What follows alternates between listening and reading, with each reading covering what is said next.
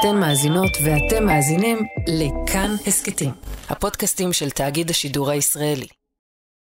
אני יכול להגיד לך על עצמי, גם בצד של הקורבן שהייתי בו כילד, ועברתי בעצמי אלימות אה, נפשית מאוד מאוד קשה.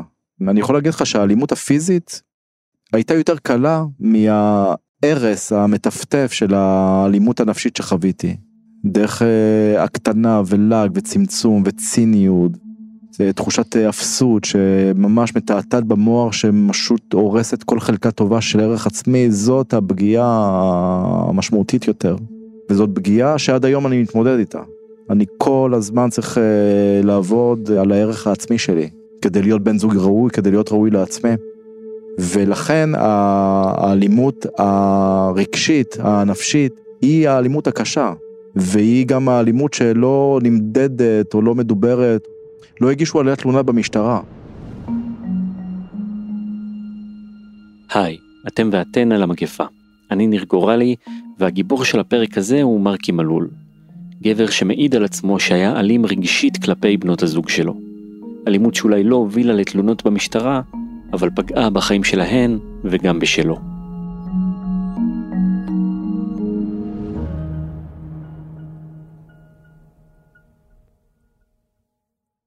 מרקי נולד בישראל ב-1972. בגיל שמונה חודשים הוא עבר עם הוריו אלברט ודולי לצרפת. הזיכרונות הראשונים שלו הם מאימא שלו. יש גם זיכרונות אה, ויזואליים וגם אה, איזושהי תחושה של אנרגיה. כלומר אני יכול אה, להיזכר בקול שלה, בנעימת הקול שלה. הייתה אישה עם הרבה הרבה שמחת חיים והרבה חיוניות ומספרים כן שכשהייתה נכנסת לחדר הייתה ממלאה את החדר באור אז אישה מאוד מאוד מיוחדת. יום אחד, כשהיה בן ארבע, אמא שלו נעלמה מחייו, ואף אחד לא אמר לו דבר. טיווחתי לעצמי את העולם הפנימי בכוחות עצמי, והייתי צריך אה, להבין את העולם, למה אמא נעלמה, אה, אולי עשיתי משהו לא בסדר, אולי אני אשם במשהו, אולי היא העדיפה ילד אחר. הייתי חוטף התקפי זעם אה, מדי פעם ומתבצר וכזה נכנס מתחת לשולחן ומתחיל כזה לדפוק על הרצפה כל מיני כאלה. במשך שנתיים גדל מרקי עם סימני השאלה והבלבול. הייתי כבר בכיתה א', באתי לאבא שלי ושאלתי אותו מתי אמא חוזרת, והוא הסתכל עליי במבט עצוב ואמר לי, אמא מתה, מרקו, אמא מתה.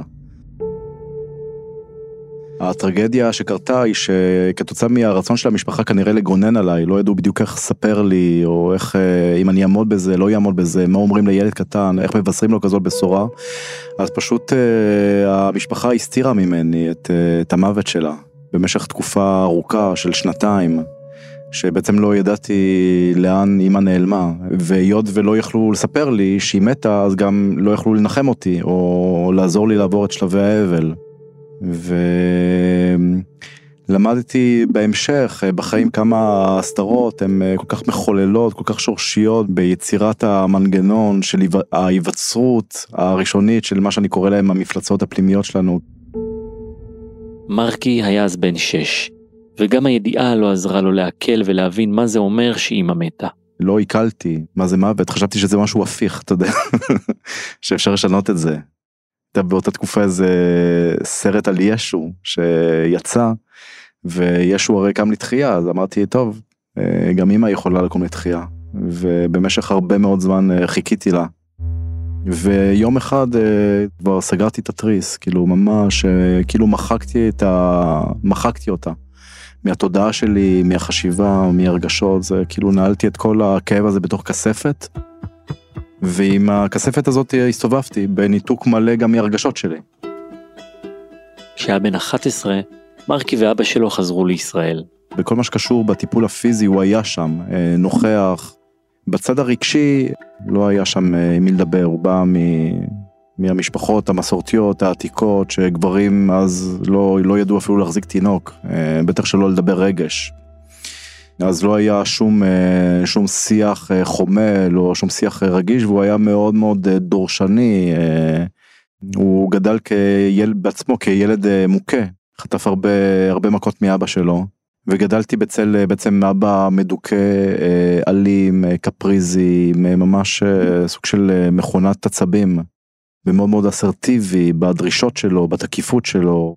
עכשיו, הוא דרש ממני להצטיין ואני באמת הצטיינתי, הייתי תמיד המקום הראשון בכיתה, אז הבאתי כל מיני תעודות כבוד והצטיינות. הוא רצה שאני אצליח בלימודים, הוא אה, רצה שאני אלמד פסנתר, אז באמת אה, למדתי כמה שנים, הוא אה, הכניס אותי לחוג שחמט, הייתי ממש מצטיין בשחמט. נגיד, אני זוכר אה, פעם אחת ש...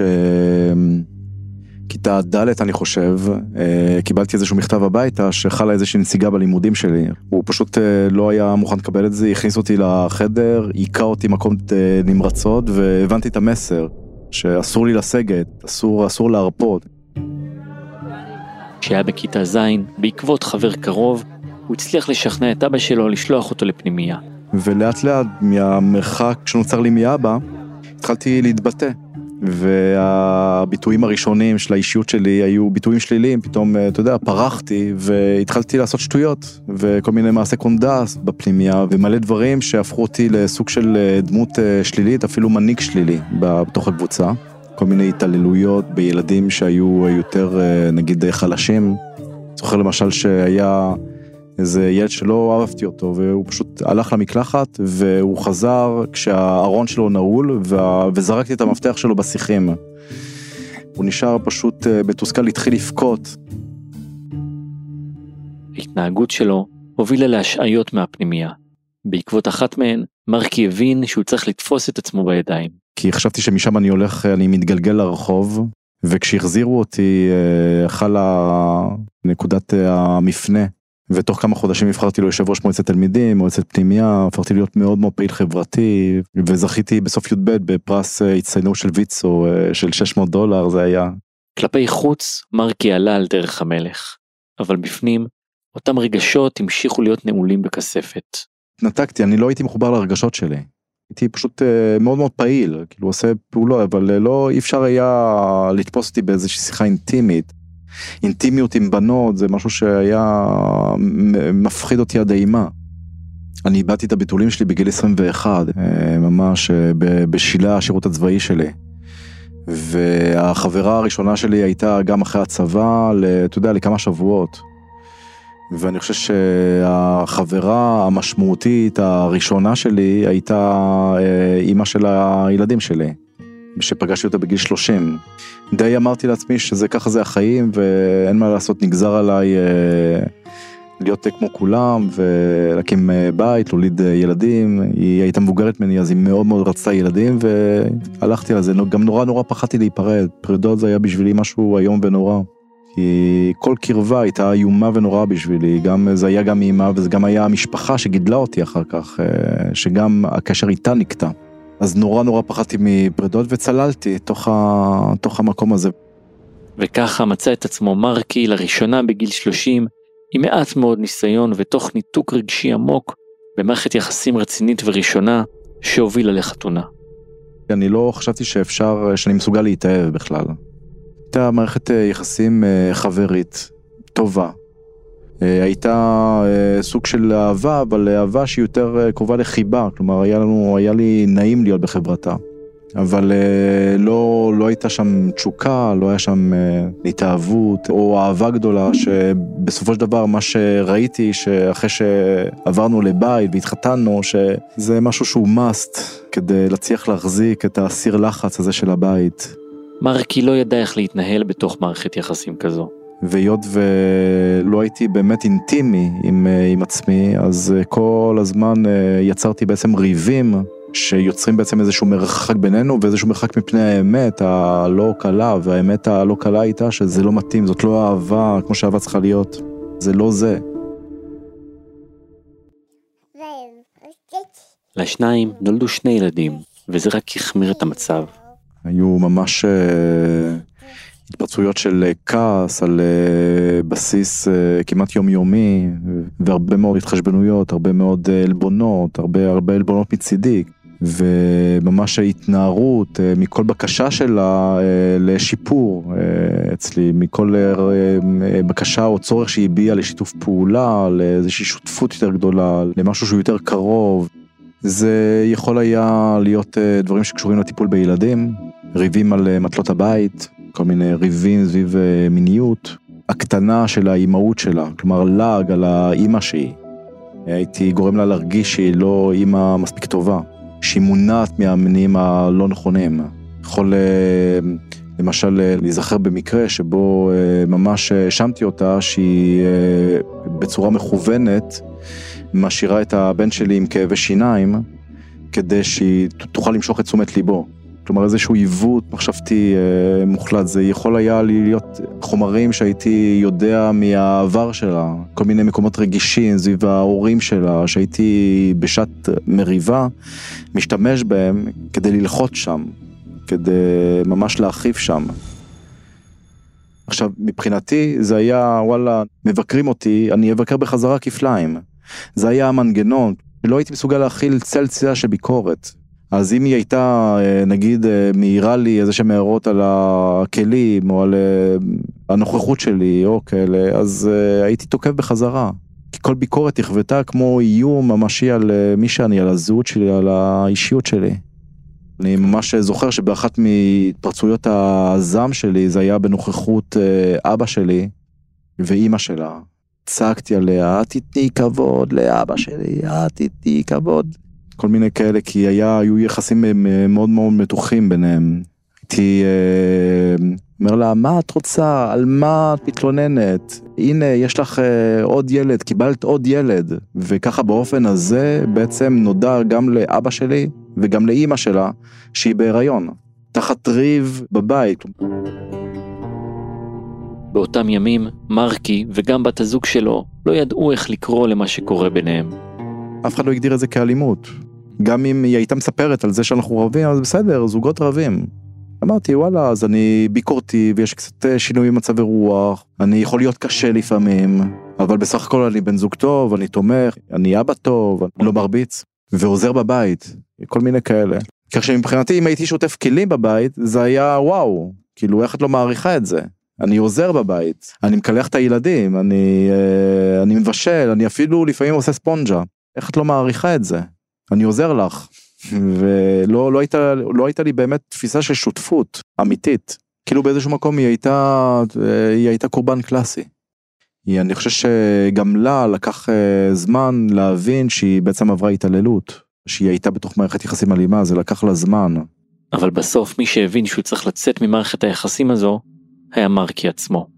הרגשתי שממש אה, החיים אה, חולפים לידי, שהבן שלי נולד ואני מטפל בו, מגדל אותו, מחליף לו חיתולים, מקלח אותו וזה, אבל אני לא מרגיש כלום. וזה היה משהו שלא הייתי מוכן לוותר עליו, כי הרגשתי שהחיים חולפים לנגד עיניי בלי שאני מרגיש שום, אה, שום חיבור, שום קרבה אליהם. וזה היה המנוע שדחף אותי להתחלה של שינוי. הם היו נשואים ארבע שנים. שנה וחודשיים אחרי הלידה של בנם הקטן, וחודשיים אחרי שאביו מת, מרקי עזב את הבית.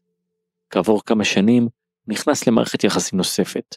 שם הייתה אהבה מאוד גדולה ותשוקה מאוד גדולה וכל ה, כל הדבר הזה וממש אה, מערכת יחסים אה, של אה, סוג של רכבת הרים. ובתוך רכבת ההרים הזו, מרקי גילה די בהתחלה שגם שם הוא מסוגל להכאיב. הגעתי יום אחד לחיפה, לצפון, מתל אביב וזה, והתאמצתי והתארגנתי והתקלחתי, התבשמתי, אה, באתי זה, והיא ישנה. הלכה לישון, ואחרי זה כמה זמן שראיתי שהיא לא מתעוררת, פשוט אה, לקחתי את הרגליים ונסעתי חזרה לתל אביב. זה אקט שהיה מאוד מאוד, אה, אתה יודע, מאוד מאוד פוגעני. אקט אלים בלי לנקוט באלימות, זה כאילו היה, אתה יודע, הכל נעשה בשתיקה בעצם. אבל הגיבה? היא בהלם מוחלט, כשהיא התעוררה היא אמרה לי מה? חזרת לת... מה? היא הייתה ממש uh, בהלם מוחלט. אה. למד אותה שלא ככה מתנהגים. כאילו אם אני מגיע אז אה, תתני לי יחס, תני תשומת לב, אנחנו, אני בא אז אנחנו באים להיות ביחד אז כאילו באיזשהו מקום תלמדי לקח, תשני את ההתנהגות שלך. התקשורת הייתה תקשורת אלימה.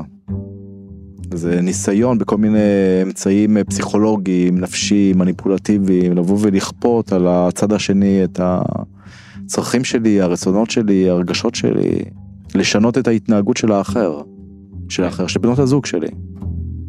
הם עברו לגור יחד, לשניהם זה היה פרק ב', גם לה היו ילדים.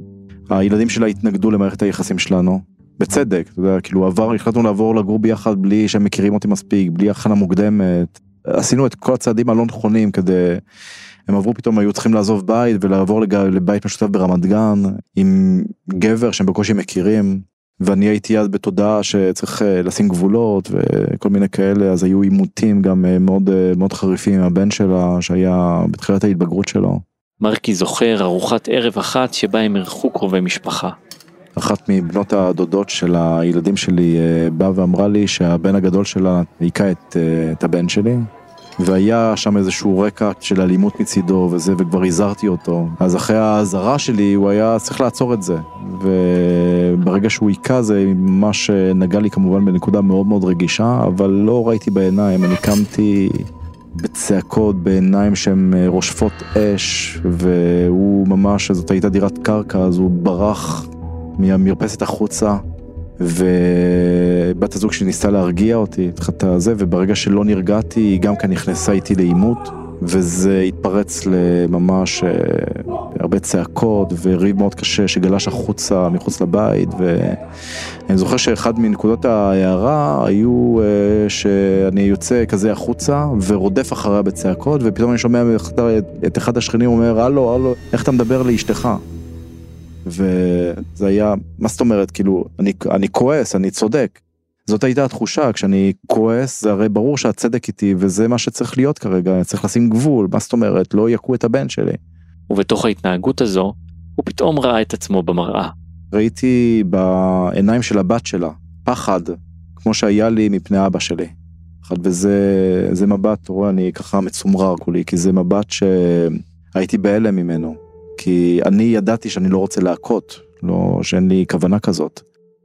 אבל כנראה שנראיתי הרבה יותר מפחיד בהתפרצות הכעס או הזעם שלי ממה שחשבתי שאני נראה. ולא חשבתי ש... לא חשבתי שאני מפחיד, אבל כשראיתי את הפחד הזה ראיתי שאני משחזר את מה שהכרתי מהבית. ההבנה הזו עשתה שינוי קטן ופנימי מרקי התחיל לחפש חומרים ברשת. ויש שפע של חומרים, ופשוט מצאתי את עצמי במלא מלא נקודות.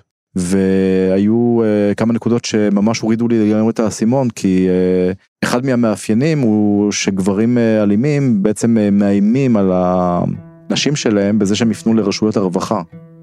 וזה היה גם כן אה, משהו שהייתי משתמש בו, שאני אפנה לרווחה כדי שיראו לה שהיא לא מטפלת טוב בבן שלה, שהוא, אה, שהוא אלים, הוא פרוע, הוא כל מיני כאלה. וכשפתאום ראיתי את זה, אמרתי, וואי, מה זאת אומרת, אני עושה את זה. הייתי, אה, אתה יודע, הייתי מקטין את האימהות שלה, הייתי מצייר אותה כאימא לא טובה. אסימון נוסף שנפל לו היה כשהבין שהוא מפעיל כלפיה גם אלימות כלכלית. היא הייתה בקשיים כלכליים ואז היה לי כסף אז אמרתי בואי נעשה את המעבר אני אתמוך בך אני אתן לך אני זה אני כאילו קצת הפכתי להיות הפטרון שלה. וכשהיחסים uh, כבר התערערו אז uh, השתמשתי בזה כדי לבוא ולהגיד לה מה זאת אומרת את חייבת לי. כאמצעי uh, להרחיב, כאמצעי uh, להתחשבן, כאמצעי לבוא ולהכות בחז... בחזרה. מרקי לא הסתפק בקריאה, הוא עשה צעד נוסף. הגעתי למרכז לאלימות ברמת גן ואמרתי אני רוצה טיפול והסתכלו עליי שם כמו חייזר כאילו מה פתאום גבר פונה לטיפול על אלימות רגשית כאילו מה יש נגדך איזה תלונה במשטרה איזה בית משפט משהו לא שום דבר. ולקח לי זמן לשכנע את העובד סוציאלית שפגשה אותי לראיון שאני אלים ושאני צריך טיפול. מרקי אולי הבין שיש לו בעיה אבל בחיים האישיים שלו פתרון עוד היה רחוק. עכשיו למרות שהבנתי את האלימות שלי זה לא מנע מאיתנו להמשיך ולהתכתש ולריב, לא הצלחתי לעצור את זה. לא יכולתי לעצור את מחול השדים שאנחנו נמצאים בתוכו, הייתי עדיין שקוע עמוק בתוך מעגל האלימות, הייתי מדבר, מצטער, מתחרט והכל, אבל עוד פעם הגיע איזשהו מקרה ועוד פעם התפרצות. ההבנה זה רק ההתחלה של ההתחלה של הדרך, זאת הדלת הראשית. מי שאתה פותח את הדלת הזאת אז אין כלום, אבל... Uh, מאחורי הדלת הזאת אה, נמצאות מלא מלא מלא דלתות אה, נוספות שקשורות לתפיסות העולם שלי, להתנהלות שלי, לתקשורת שלי, לעבר שלי, לטראומות שלי, ל... לילדות שלי, למלא מלא דברים שהייתי צריך אחרי זה אה, לחצות את הדרך, להיכנס עמוק עמוק פנימה כדי לבוא ולעשות שינוי. באותם ימים מרקי חיפש עבודה ושלח קורות חיים. להוסטל שמטפל באסירים שביצעו עבירות של אלימות במשפחה מהוסטל של הרשות לשיקום האסיר שנקרא מפתחות והתקבלתי לשם אה, בתור מדריד זה פשוט אתה יודע זה היה די הלם שמזמינים אותי בכלל לראיון כי מה זאת אומרת אני איך אני אטפל באחרים בזמן שאני מגלה על עצמי שאני, שאני אלים בעצמי, אבל התקבלתי. וזאת הייתה תקופה מכוננת אה, בחיים שלי, בלמידה שלי על עצמי, בהבנה של מה זאת אלימות. אבל למערכת היחסים שהוא היה בה, זה כבר היה מאוחר מדי. זה פשוט אה, הגיע יום אחד אה, ממש אה, לקצה. אני חושב שיום אחד היא פשוט התחילה לפחד. זה עכשיו, לי לא היו כוונות אלימות כלפיה, אבל נקודת המבט שלה היא פחדה ממני. למה? אני לא יודע. לא יודע כי לא כל כך ניהלנו על זה תקשורת אחר כך. אבל uh, היה יום אחד שהגעתי הביתה ופחות או יותר כן ומצאתי את הבית ריק וכל החפצים כזה במחסן שנמצאים בחצר. וכולה המשפחה וזה ואחים באו כדי לבוא ולעזור לעשות את המעבר חזרה לצפון. מבחינתה היא עשתה, אתה יודע, היא ברחה, היא נמלטה. מנקודת המבט שלה והיא עשתה בשכל כי היא הרגישה כאילו שהיא מאוימת שזה עלול להתפוצץ יום אחד שעלול לקרות משהו רע ושהיא צריכה לברוח מה שיותר מהר. עדיין אה, מבחינתי כאילו מאוד מאוד אה, החזקתי רצון בהמשכיות של מערכת היחסים הזאת. עדיין מאוד אהבתי אותה, עדיין הרגשתי תלוי בה, הרגשתי בהזדקקות אליה, בגעגועים אליה, בצורך אה, פיזי, רגשי, מיני, הכל. היו ניסיונות מצידך להחזיר? כן, אנחנו ניסינו אחרי זה תקופה של כמה חודשים. וזה התפוצץ. יום אחד היה הצצתי באחד הפסטיבלים היינו ביחד הצצתי בטלפון שלה וראיתי התכתבויות כזה איזשהו פילרטוט כזה עם איזשהו גבר ופתחתי את זה מולה בנסיעה שלנו חזרה. והייתה נסיעה איומה ונוראה של שתיקה רועמת ומאוד מאוד מפחידה. אפשר היה לחתוך את המתח בסכין. ומאז אנחנו לא נפגשנו. אחרי שבעצם נפרדנו עשיתי אתה יודע יצאתי קצת אה, כמה דייטים וכאלה וראיתי שאני פשוט פוגע בכל אישה שאני יוצא איתה. ואז הפסקתי במשך שנתיים שלוש אני לא יצאתי עם, עם אף אישה. כי הבנתי שאני צריך uh, לעשות uh, שינוי פנימי כדי שאני אוכל uh, להיכנס למערכת יחסים אחרת.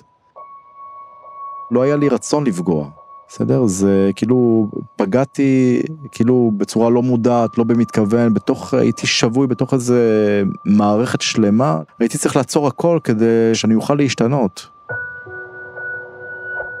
ובזמן שבעצם חזר לרווקות, הוא המשיך לעבוד בהוסטל לגברים אלימים, ופשוט התבונן. אני חושב שאולי הדבר המשמעותי ביותר שבעצם אה, גיליתי בתקופת העבודה בהוסטל, זה את מעגל האלימות שמתחיל בתחיסה של רגשות. חוסר ידע של, אה, של לנהל תקשורת, איך בכלל לתקשר את הרגשות שלי, זה משהו שכל הדבר הזה, כל המנגנון הזה היה לפני זה בפנים, אני לא ידעתי כל כך אה, לחלוק עם אחרים את מה שאני עובר, את מה שקורה באמת בתוכי. אחת מהתרופות הכי אה, יקרות וחשובות, הכי מרפאות את האלימות זה, זה פשוט לחלוק את מה שאנחנו עוברים עם אחרים, עם חברים, לדבר מה עברנו היום, מה אנחנו מרגישים. ואז הוא מצא את עצמו במערכת יחסים נוספת. ששם אה, הכניסה למערכת היחסים והתקשורת שלה, שם הייתה כבר לגמרי אחרת. לגמרי לגמרי אחרת. זה היה כבר אה, עולם, לא שלא היו ריבים, ולא שלא הייתה שם אלימות. זה, זה ממש אה, באיזשהו מקום זאת עבודה לכל החיים. אבל הממדים שלה היו אה, הרבה פחות חמורים אה, אה, מאז, והתקשורת הייתה הרבה יותר טובה. בפעם הזו הוא עשה דברים אחרת. קודם כל תקשרתי. תקשרתי את עצמי, מי אני, מה אני, מה אני רוצה, מה אני מרגיש. נתתי מקום לבת הזוג שלי לשתף אותי במה שהיא עוברת. הסכמתי להיות תלמיד בבית ספר החינמי שניתן לי על ידי נשים זה ממש אה, במקום ממקום מתנשא שהיה לי, כמו חשבתי שכגבר אני קצת יותר חכם, קצת יותר טוב, קצת יותר מבין בדברים, וממש אה, התהפכה לי התפיסה ואמרתי אני בת צנוע, וממש לומד כל מה שבת הזוג שלי יכולה ללמד אותי. וגם כשהיו ריבים, הוא התנהל בהם אחרת. היו התפוצצויות, אבל הרבה, הרבה פחות בחומרה שלהם, בתדירות שלהם. יודע, למדתי לקחת פסק זמן גם. זה אחד הכלים שאנחנו היינו עובדים עם האסירים, שאם אתה מזהה בתוכך איזושהי התלהטות, של כעס. קודם כל אה, לקחת פסק זמן, לא להישאר שם, לא להמשיך, לא להידרדר לתוך, ה, לתוך הפינג פונג הזוהם הזה. ללכת, לשטוף פנים, לעשות סיבוב ולחזור, ואחר כך לדבר על מה שהכעיס ממקום יותר רגוע. מרקי החליט שהשיתוף חשוב, לא רק בתוך מערכת היחסים עם בת הזוג, אלא החוצה, עם העולם.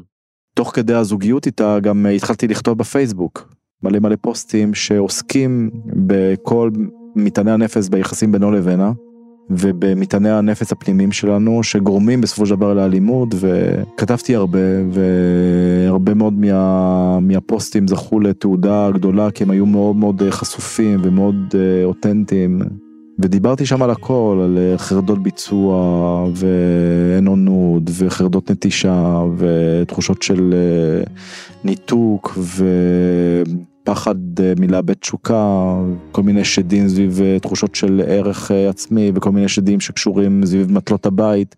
מלא מלא מלא מלא כתבתי ותוך כדי, אתה יודע, כאילו עשינו גם עבודה. עבודה משותפת אמיצה, מוכרח להודות שגם במערכת היחסים הזאת למדתי המון המון המון. אבל גם היא הסתיימה. בשנתיים האחרונות מרקי מתגורר עם בת זוג חדשה. הוא פגש אותה דרך הפייסבוק. למעשה, היא הכירה אותו שם, עם כל הפתיחות והפגיעות שהפגין. היא עובדת סוציאלית קליניק שעבדה במרכז לטיפול באלימות, טיפלה בגברים, אה, עשתה קבוצות גברים, יש לה ממש אה, ניסיון אה, רב בטיפול באלימות. ויום אחד אה, כזה פרסמתי איזשהו פוסט שאני מחפש אה, אנשי מקצוע שמטפלים באלימות. אה, להפנות אליהם אנשים שמגיעים אליי לפגישות ייעוץ והיא כתבה לי הודעה. אז אתה יודע, היא מאוד, היא מצא חן בעיניי ועשיתי פשוט את הצעד, משהו שלא הייתי, לא, לא הייתי רגיל לעשות, אבל לקחתי יוזמה לידיים ונקטתי פעולה. וזה התהווה לאט לאט, בצורה הדרגתית וטובה ובנויה היטב ועם uh, הרבה הרבה השקעה uh, מצידנו. אנחנו ממש uh, עובדים חזק על הקשר הזה. וממש בנינו מערכת יחסים שמושתתת על יסודות מאוד מאוד חזקים. ואהבה ותשוקה וממש בחיבורים uh, מדהימים באמת בינינו. איך קוראים לה? יפעת. היום מרקי ויפעת מתחזקים מערכת יחסים באופן שונה מכל קשר שהיה לו בעבר. קודם כל אה, זה לא זה לא מגיע למקומות קשים באמת. כלומר יש גבולות מאוד מאוד ברורים אנחנו לא עולבים אחד בשני אנחנו לא חוצים אנחנו לא מכים מתחת לחגורה. אנחנו שומרים על אה, כבוד אחד, אה, אחד כלפי השנייה, לפעמים יכולים לדבר, אתה יודע, בסערת רגשות, לפעמים אפילו להרים את הקול, כן? אבל אה, זה לא מגיע אף פעם למקומות שהם אה, ממש נמוכים, לא לקללות, לא לעלבונות קשים, לא לדברים דברים כאלה. ואחרי שמתעורר קונפליקט, או אחרי שאנחנו אה, בעצם אה, רבים, אז יש אה, איזושהי חזרה שהיא חזרה יותר, יותר מהירה, חתירה יותר מהירה לשלום מחדש, כשאנחנו מלבנים ממש לפרטי פרטים ברזולוציות הכי קטנות את כל מה שהביא אותנו לריב. הכל הכל אה, מדובר לפחות כל מה שאנחנו מודעים לו כן. אז אה, בעצם מכל קונפליקט אנחנו יוצאים בתחושה שלמדנו המון וצמ... ואנחנו צומחים המון. לא רק בטוב אלא גם מתוך הקונפליקטים. מצאתי אהבה, מצאתי בית, מצאתי באמת את האישה שאיתה אני רוצה לנצח הכל, והיא האישה שאני באמת מרגיש שאני מסוגל יחד איתה לנצח הכל, הכל, הכל. מרקי תמיד אהב לכתוב. לאחרונה הוא סיים גיוס מוצלח בהדסטארט להוצאת ספר שכתב על חייו. הספר נקרא "אם מפלצות עושים אהבה" והוא צפוי לצאת ב-2023. הצעדים שעשה לצאת לאור עם הסיפור שלו, הובילו אותו לנסות ליצור קשר שוב עם בנות הזוג מהעבר. לפני כמה חודשים כתבתי לאקסיט שאיתה פתחתי את הסיפור, את סיפור האלימות, וזה נשאר קר, זאת לא, זאת לא הפעם הראשונה כמובן שהתנצלתי, אבל uh, איבדתי בפרספקטיבה של כמה שנים קדימה. התקופה שעברנו ועכשיו גם בעקבות ה-Head ואתה יודע זה מאוד מאוד הציף כל מה שעברתי ו... מצאתי לנכון אה, להתנצל שוב אה, על כל מה שהיה. אבל אה, אני חושב שזה מקום מאוד מאוד אה, פצוע שאני מתאר לעצמי שאולי הן אה, מעדיפות לבוא ולהניח לזה. ובאמת זה אחד ה... חושב אה, המוקשים בחיים שלי שאני מאוד מאוד אה, שמאוד מאוד קשה לי איתם משוכות שלא הצלחתי להתגבר עליהם ולהצליח לחזור ליחסים טובים עם אה, מערכות יחסים שהסתיימו. אבל במקום אחד מרקי כן הצליח לתקן עם הבנים שלו. ברוך השם באמת במערכת יחסים שרק הולכת ומשתבחת כל הזמן למרות שהם בגיל ההתבגרות יש בינינו המון המון אהבה ואינטימיות ויש מה ושיחות נפש וקרבה ואנחנו יכולים לדבר אה, ממש את הלב וזה ממש ממש תענוג כי אני נורא נורא פחדתי מגיל ההתבגרות שלהם אני ממש פחדתי שיקרה נתק כמו שקרה לי עם אבא שלי. אני אגיד איזה משהו מאוד אה, קשה קצת על עצמי אבל אני חושב שאחת הסיבות הלא מודעות לזה ש... שהתגרשתי היה קצת אה, גם כדי להגן על הילדים שלי מפניי. זה מאוד מאוד קשה להגיד את זה אבל אני חושב שאם הייתי נשאר בבית הייתי הופך להיות מאוד מאוד רעיל לילדים שלי. ועצם העובדה שהייתי בהסדרי ראייה והיינו נפגשים פעמיים בשבוע וזה אפשר לי כל מיני הפוגות וללמוד ולהבין ולקחת את עצמי בחזרה בידיים זה נתן לי את הכוחות שכשאני נמצא איתם להיות אה, אבא כמה שיותר טוב. האזנתם והאזנתן למגפה. אני ניר גורלי, ערכתי את הפרק עם איה קוסובר, בצוות ההסכת דניאל מאורר. עיצוב סאונד ומיקס, אסף רפפורט. תודה גם לנועם פלג ולרותם פוגל. אם את או אתה זקוקים לסיוע, מספר הטלפון של מוקד החירום של משרד הרווחה הוא 118. יש גם קו סיוע מיוחד לגברים, 1218. הקווים של מרכזי הסיוע לנפגעי ונפגעות תקיפה מינית הם 1202 לנשים ו-1203 לגברים. פרקים נוספים של המגפה אפשר למצוא בכל אפליקציות הפודקאסטים ובאתר כאן. תודה רבה על ההאזנה.